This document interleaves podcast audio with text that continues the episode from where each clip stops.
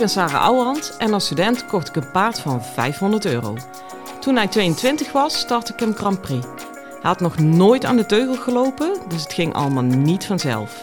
Het enige wat ik zeker wist was: never quit. Ik verslond alles wat ik kon vinden over de biomechanica van ruiter en paard. Dat testte ik net zo lang totdat ik wist wat echt werkte. In deze podcast leer ik jou alles over je rijtechniek, je houding en zit en je mindset. Want ook jij kan naar de Grand Prix gaan, zelfs als je geen miljoenenpaard hebt. Hey lieve paardenmensen.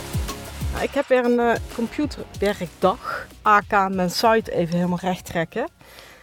En uh, ja, hoe lang duurt dat ongeveer? Een uur of twee, max drie. En dan kijk ik al met mijn rechteroog in mijn linkerbroekzak. Dus ik ben lekker even naar stal gesneakt. Dat is toch wel erg, hè? Dan ben je ZZP'er en dan heb je nog het gevoel dat je naar stal sneakt. Maar ja, dat is ook niet helemaal onterecht natuurlijk, want ik heb gewoon dingen te doen. Maar ik bedacht me, weet je, uh, ik gooi mijn paard onder de deken. Ik ga mijn ontzettend gave Lusitano hengst even lekker longeren. En dan doe ik ook nog een podcastje in de buitenlucht. En dan kruip ik dan weer achter mijn laptopje. Vond ik best een goede deal met mezelf. Uh, so here I am. Jongens, recht richten. Ik dacht, uh, daar heb ik maar één podcast over opgenomen. Dat is wel erg weinig, hè, over zo'n breed onderwerp. De ellende was alleen een beetje. Ik luisterde deel 1 terug. En um, ja, toen dacht ik van, oeh, deze is best wel al uh, compleet. Dat is nummer 36. Dus dat is echt weer typisch zo'n podcast. Daarom waarschuw ik je ook uh, af en toe voor te veel consumeren van de podcast. Als je nou naar 36 luistert en je bent het er mee eens, dat is het eerste uitgangspunt. En gaat dat allemaal integreren in je rijden, dan duurt het even voordat je aan de volgende toe bent. Dus ik dacht, uh, ik, ik, ik gooi er nog een sausje overheen, over dat rechtrichten. Want weet je wat wel sowieso een hele waardevolle gedachte is over rechtrichten? Uh, je bent er nooit mee klaar. Omdat uh, alles wat beweegt en levend is, is gewoon per definitie niet statisch. Sterker nog, als we iets niet willen bij die knollen, is dat ze statisch lopen. Dat heeft natuurlijk wel een keerzijde dat je altijd onder de streep uh, bent een balanceren tussen links en rechts en zo af en toe een beetje in het midden uitkomt. En dat heet dan harmonie. En uh, tot die tijd zwabber je weer van links naar rechts in die range. Um, het enige is, kijk, die range is dan, nou wil ik te veel in één keer zeggen, daar krijg ik opstoppingen van. Wat ik bedoel te zeggen, bij jonge paarden, die zwabberen giga. Dus die vallen of te veel op links of te veel op rechts. En dat is best grote verschillen, waardoor het echt zwabberen wordt. Dus die range waartussen ze bewegen, in die voorschouders met name, die is vrij groot.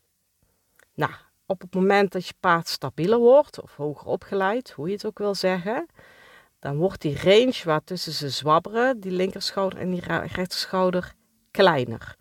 Dus ze vallen niet meer zo extreem door de linker of zo extreem door de rechter. Het wordt allemaal minder. Maar, lieve kijkbuiskinderen, het verdwijnt nooit. Want op het moment dat het verdwijnt, uh, bij de mobiliteit bovenin in de schoft en de rug kwijt. Die is heel belangrijk. Um, het kan wel zo zijn dat het zo minimaal wordt, het verschil tussen links en rechts en de bewegingen daartussen, dat het in eerste instantie sowieso niet meer zichtbaar is. En in tweede instantie misschien ook zelfs wel niet meer voelbaar. Maar je moet dat als ruiter altijd blijven onderhouden. En blijven onderhouden is iets anders dan vasthouden. Want dat is, nou net het verschil tussen dynamisch blijven in die schouder of statisch. Uh, wat ik namelijk wel eens vaker zie als mensen, um, zeg het eens, ik weet niet of je iets hoort, maar ik zet even het raampje van mijn auto open, want ik plof complete pan uit hier. De zon staat erop. En ik dacht, ik doe even het raampje dicht, dan hebben jullie beter geluid. Maar als je het niet heel erg vindt, uh, hoor je af en toe een auto voorbij rijden. Um, waar was ik? Over die schouders. Ja, dat het nou net uh, niet de bedoeling is dat je daar statisch in wordt, snap je? En dan zijn er wel mensen die bij mij in de praktijk, die zitten dan zelf scheef, of, of mij in de les. En dan sluit ze de les wel, met, wel eens af van, oké, dus ik moet hem iets meer op zijn rechterschouder hebben en ik iets minder op mijn linker zitbeenknobbel. Of andersom, ik roep maar wat nou, hè? Dat denk ik, en dan zeg ik altijd, ja, dat is echt een super mooie conclusie voor dit moment. Want als je werkelijk goed bezig bent met rechtrichten, dan valt hij dadelijk niet meer te veel op de rechterschouder, als hij daar begon. Dan valt hij te veel op de linkerschouder. Dus hij slaat gewoon door naar de andere kant. En dan zeggen mensen van, ja, nou hangt hij helemaal op links. En dan zeggen, heb jij goed getraind, zoals ze dat in Brabant zeggen. Want het is ook de bedoeling dat je even tussen rechts en links wisselt. En precies tussen rechts en links in zit het midden waarin het klopt. Maar uh, je komt alleen maar in het midden als je even op het uiterste durft te gaan zitten. Snap je die gedachte? Dus die is heel belangrijk en je blijft het doen. Als ik nou een AC-lijn rij, nou ga ik uh, meteen even met de billen bloot. Mijn paard is natuurlijk nooit helemaal recht.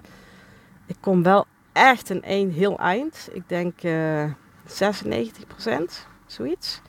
Maar even uh, voor de mensen die dat nog niet weten. Hij heeft in zijn voorvoeten 2 centimeter hoogteverschil. Dus vergeef me die laatste 4%. Maar um, ik blend dus ook nog steeds op die middenlijn heel klein van links naar rechts bij sturen.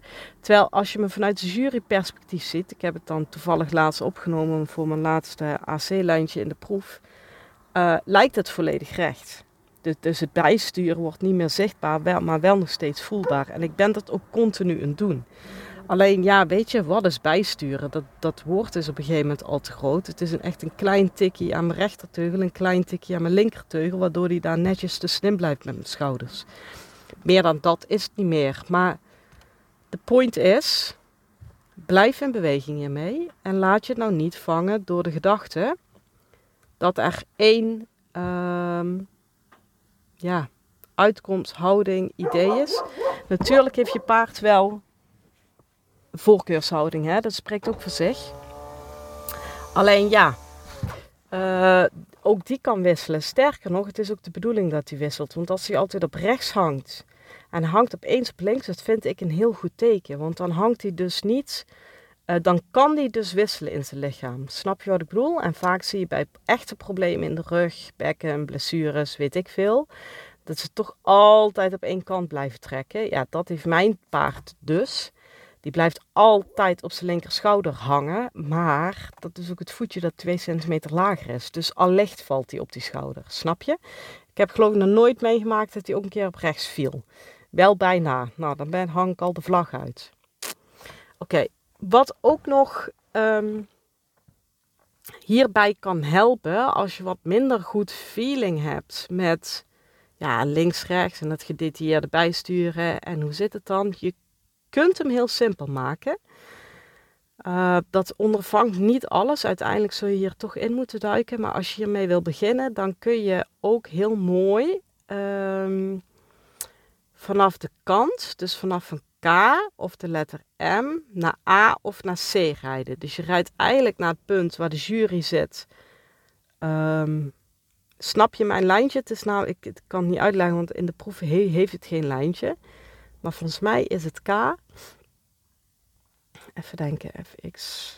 Jeetje, ja, weet je, half dyslectisch hier. Dus vraag het mij niet. Maar je komt AX binnenkomen eh, in arbeidsstraf. Dus dan rij je naar de jury toe.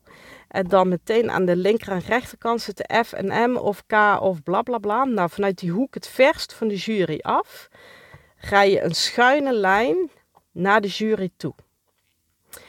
En op het moment, dat is al een beetje een rare lijn, dus je bent echt wel even je aanleuning kwijt. Dat is ook precies de bedoeling. En op het moment dat je paard gaat swabberen, doe je eigenlijk niks anders dan gas geven. Dan rij je hem goed naar voren.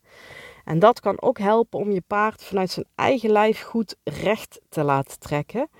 Want de gedachte daarachter is, uh, en die is denk ik best wel al bekend. Mensen, ik heb hem vaker gehoord, hij is ook echt niet van mijzelf.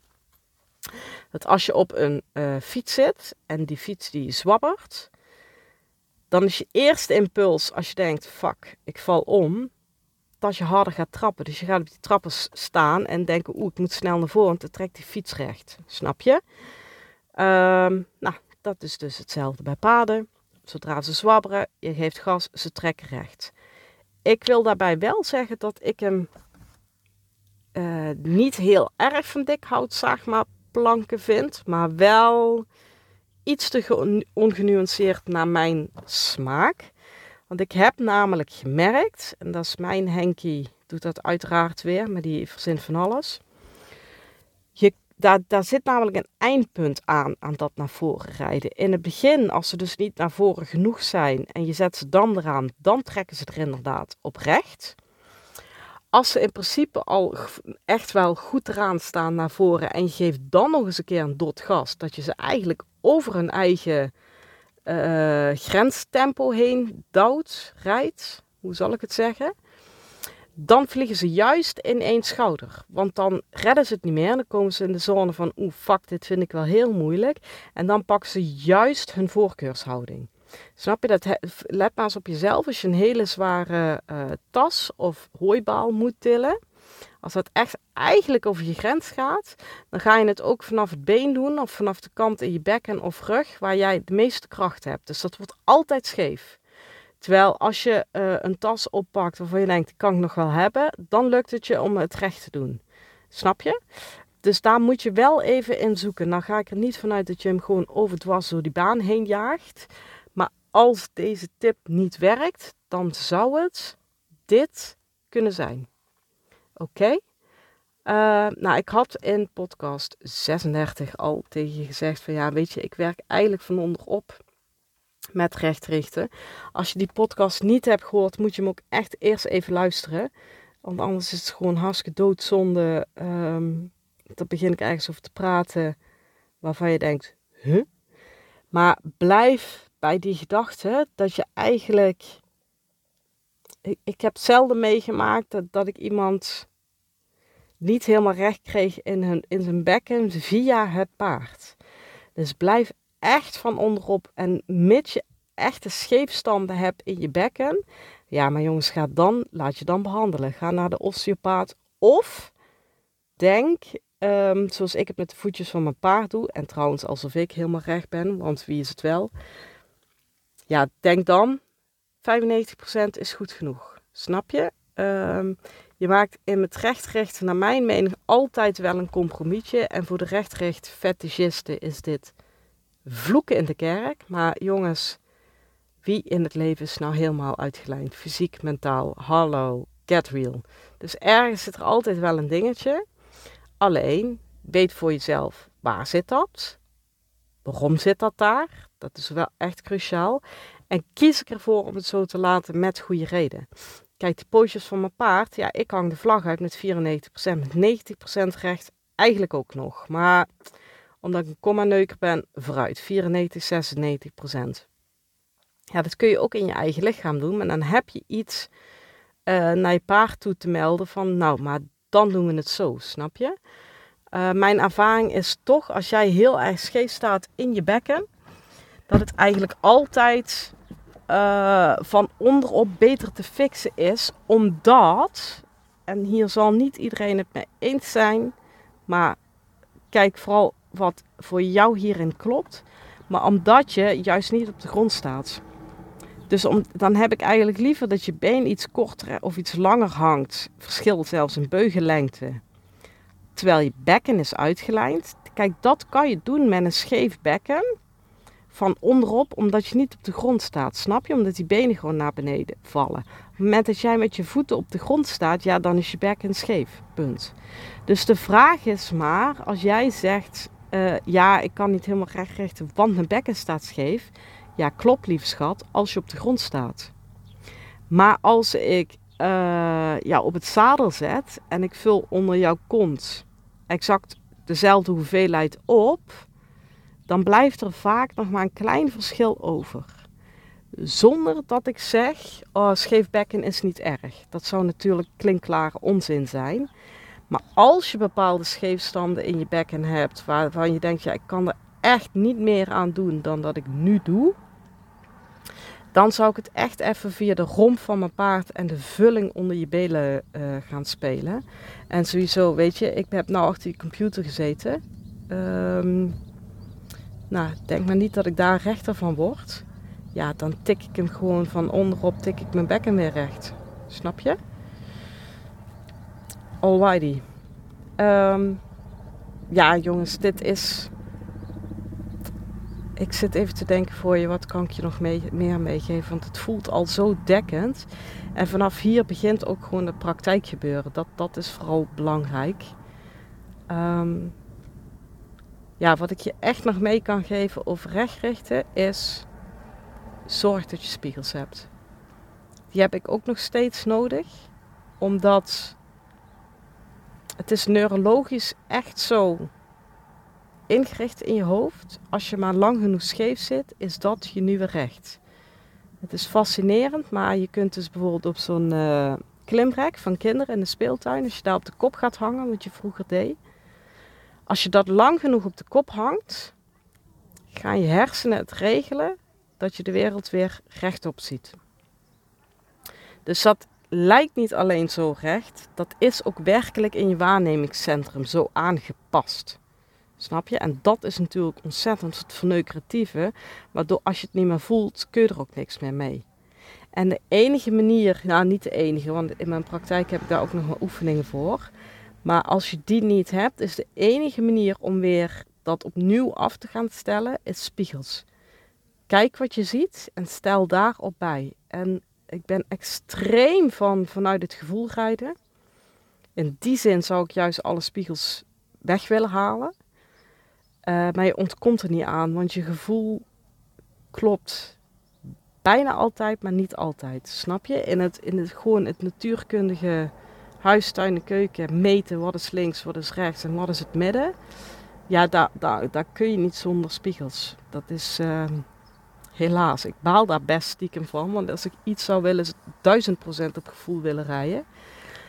Maar daar kom je ook wel weer op uit. Want als je dan je gevoel even toetst op de spiegels en op die manier bijstuurt, dan kun je het daarna weer loslaten. Kijk, als ik nou een AC-lijn oprij op de wedstrijd, dan hangen zelden tot nooit spiegels, maar ik weet dat ik recht zit, snap je? Ik heb er ook altijd een acht voor, minstens. Uh, maar dat komt wel omdat mijn lieve instructeur Frank Jespers tot vervelend toe op die C heeft gestaan. En achter hem op de korrelzijde waren alleen maar spiegels. En uh, dan stond hij ook nog bij de C met de armen over elkaar. Kon ze heel strak te kijken. En dan kon ik hem altijd vermoorden, jongen. Dat ik dacht, weet je. Maar heeft wel geholpen. En nog steeds denk ik, als ik naar de letter kijk en erop invoel, zit ik voor mijn gevoel ernaast. Maar ik weet nou precies hoeveel ik voor mijn gevoel ernaast moet zitten om op dat spiegelrecht te zijn. Ja, nou, dat is ook recht richten, hè. Um, jongens, dit was het zo in zijn totaliteit voor nu wat ik je kan meegeven rechtrichten. Ik nodig mensen daar vaker toe uit. Maar uh, ja, heb je een vraag over rechtrichten, gooi hem in de show notes. Want ik neem hem echt met liefde mee. Ik zit hier ook maar allemaal wat te bedenken wat voor jullie interessant kan zijn. Dus input is zeer welkom. Het enige wat ik heb ontdekt wat ik dus nog steeds niet kan en wat ik dacht dat ik wel kon, is reageren in de show notes op jullie reacties. Dus uh, ik kan gewoon niet als jij iets erin zet, dan, maar ik lees ze echt allemaal. En de onderwerpen die ingediend worden, heb ik tot nu toe uh, nagenoeg allemaal meegenomen. Het duurt alleen even, omdat ik dikke anderhalve maand voor lig met het maken van deze podcast. Maar echt, be my guest. Okido? Nou, dan wens ik je voor nu een hele fijne dag en veel plezier met je paard. Hoi! Lieve ruiters, dit was hem weer voor vandaag. Waardeer je mijn tips? Geef me sterren op Spotify en iTunes. Dat voelt voor mij als een dankjewel. En geef je paard een knuffel van me.